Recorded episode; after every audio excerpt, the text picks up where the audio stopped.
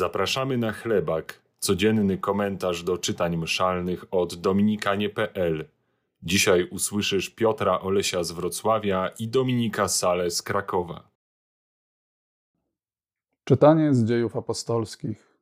Odbiwszy od lądu w Troadzie, popłynęliśmy wprost do Samotraki, a następnego dnia do Neapolu, stamtąd zaś do Filipi, głównego miasta tej części Macedonii, które jest rzymską kolonią.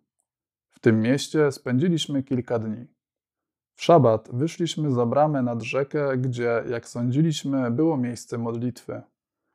I usiadłszy, rozmawialiśmy z kobietami, które się zeszły. Przysłuchiwała się nam też pewna bojąca się Boga kobieta z miasta Tiatyry imieniem Lidia, która sprzedawała purpurę. Pan otworzył jej serce, tak że uważnie słuchała słów Pawła.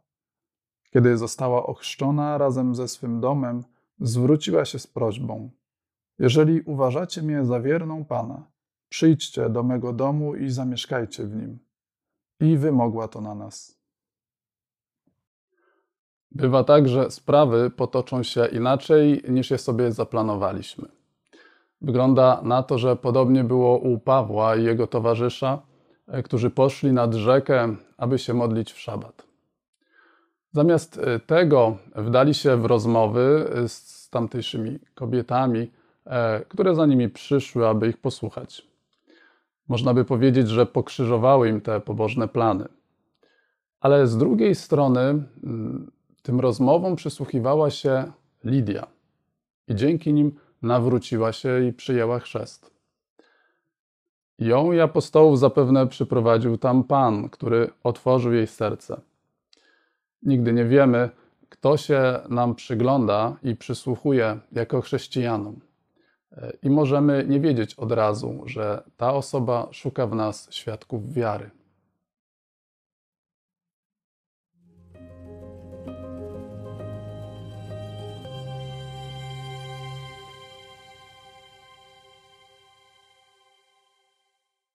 Z Ewangelii Świętego Jana.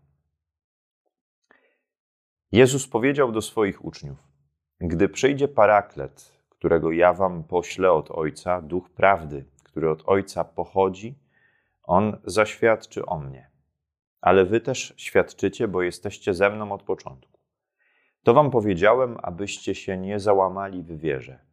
Wyłączą was z synagogi, ale nadto nadchodzi godzina, w której każdy, kto was zabije, będzie sądził, że oddaje cześć Bogu. Będą tak czynić, bo nie poznali ani Ojca, ani mnie. Ale powiedziałem wam o tych rzeczach, abyście, gdy nadejdzie ich godzina, pamiętali, że ja wam o nich powiedziałem.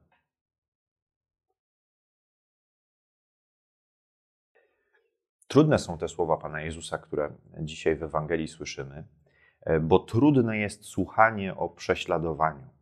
Nawet jeśli zapowiedź tego, że przyjdzie taki moment, którym będą nas prześladować, czy będziemy musieli zmagać się z różnego rodzaju trudnościami e, w naszej wierze, e, nawet jeśli wypowiadane są przez Chrystusa, nawet jeśli są słowami Jezusa i zapewnieniem o tym, że On z nami nawet w tym doświadczeniu będzie, e, to zawsze powodują w nas lęk i niepewność. Nikt nie chce być prześladowanym, nikt nie chce być wydalanym ze wspólnoty, nikt nie chce być e, ofiarą czyjejś nienawiści. Niemniej jednak apostołowie, którzy słuchali tych słów Pana Jezusa, wiedzieli, że przyjdzie taki moment, w którym będą musieli się z tym prześladowaniem skonfrontować. I my dzisiaj, kiedy tej Ewangelii słuchamy, również musimy mieć w sercu świadomość tego, że przyjdzie taki czas, E, w którym po prostu będzie nam trudno. Być może nawet ten czas już jest. Być może nawet jest tak, że dzisiaj są wśród nas tacy, którzy już są prześladowani, są wśród nas tacy, którzy e, na różne sposoby e, zostali odrzuceni, na różne sposoby musieli odejść, zostali pozbawieni więzi z Chrystusem i na różne sposoby też E, muszą się z tym doświadczeniem borykać. E, być może dzisiaj jest tak, że to prześladowanie w Twoim życiu już się wydarza albo jest bardzo blisko. E, ale tym bardziej e, dzisiaj ta zachęta Pana Jezusa, by pamiętać o Jego słowie, jest czymś cennym i istotnym. E, kiedy słyszymy Pana Jezusa, który obiecuje nam, że będzie z nami w każdym doświadczeniu, a więc też w doświadczeniu trudu, nienawiści czy prześladowania, to te słowa potrzebujemy zapisywać w naszym sercu, dokładnie w taki sposób, w jaki robiła to Matka Boża. Jak o tym mówi święty Łukasz że wszystkie te ważne sprawy, których była świadkiem, zapisywała w swoim sercu.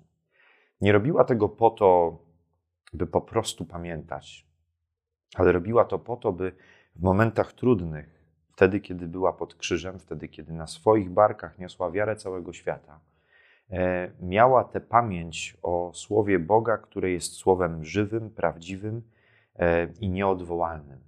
E, I być może to właśnie te słowa, które, e, które zachowała w pamięci, te doświadczenia, które zachowała w pamięci, pozwoliły jej przetrwać. Dzisiaj to i dla nas może być kierunek i drogowskaz w tym, żebyśmy e, odwołując się do pamięci słów i obietnic Chrystusa, ale też dobrych doświadczeń, dobrego działania Boga w naszym życiu, budowali ten kapitał w naszym sercu, który w momencie skonfrontowania się z tym, co trudne, pozwoli nam nie tylko przetrwać, ale też z tego doświadczenia wyjść umocnionymi.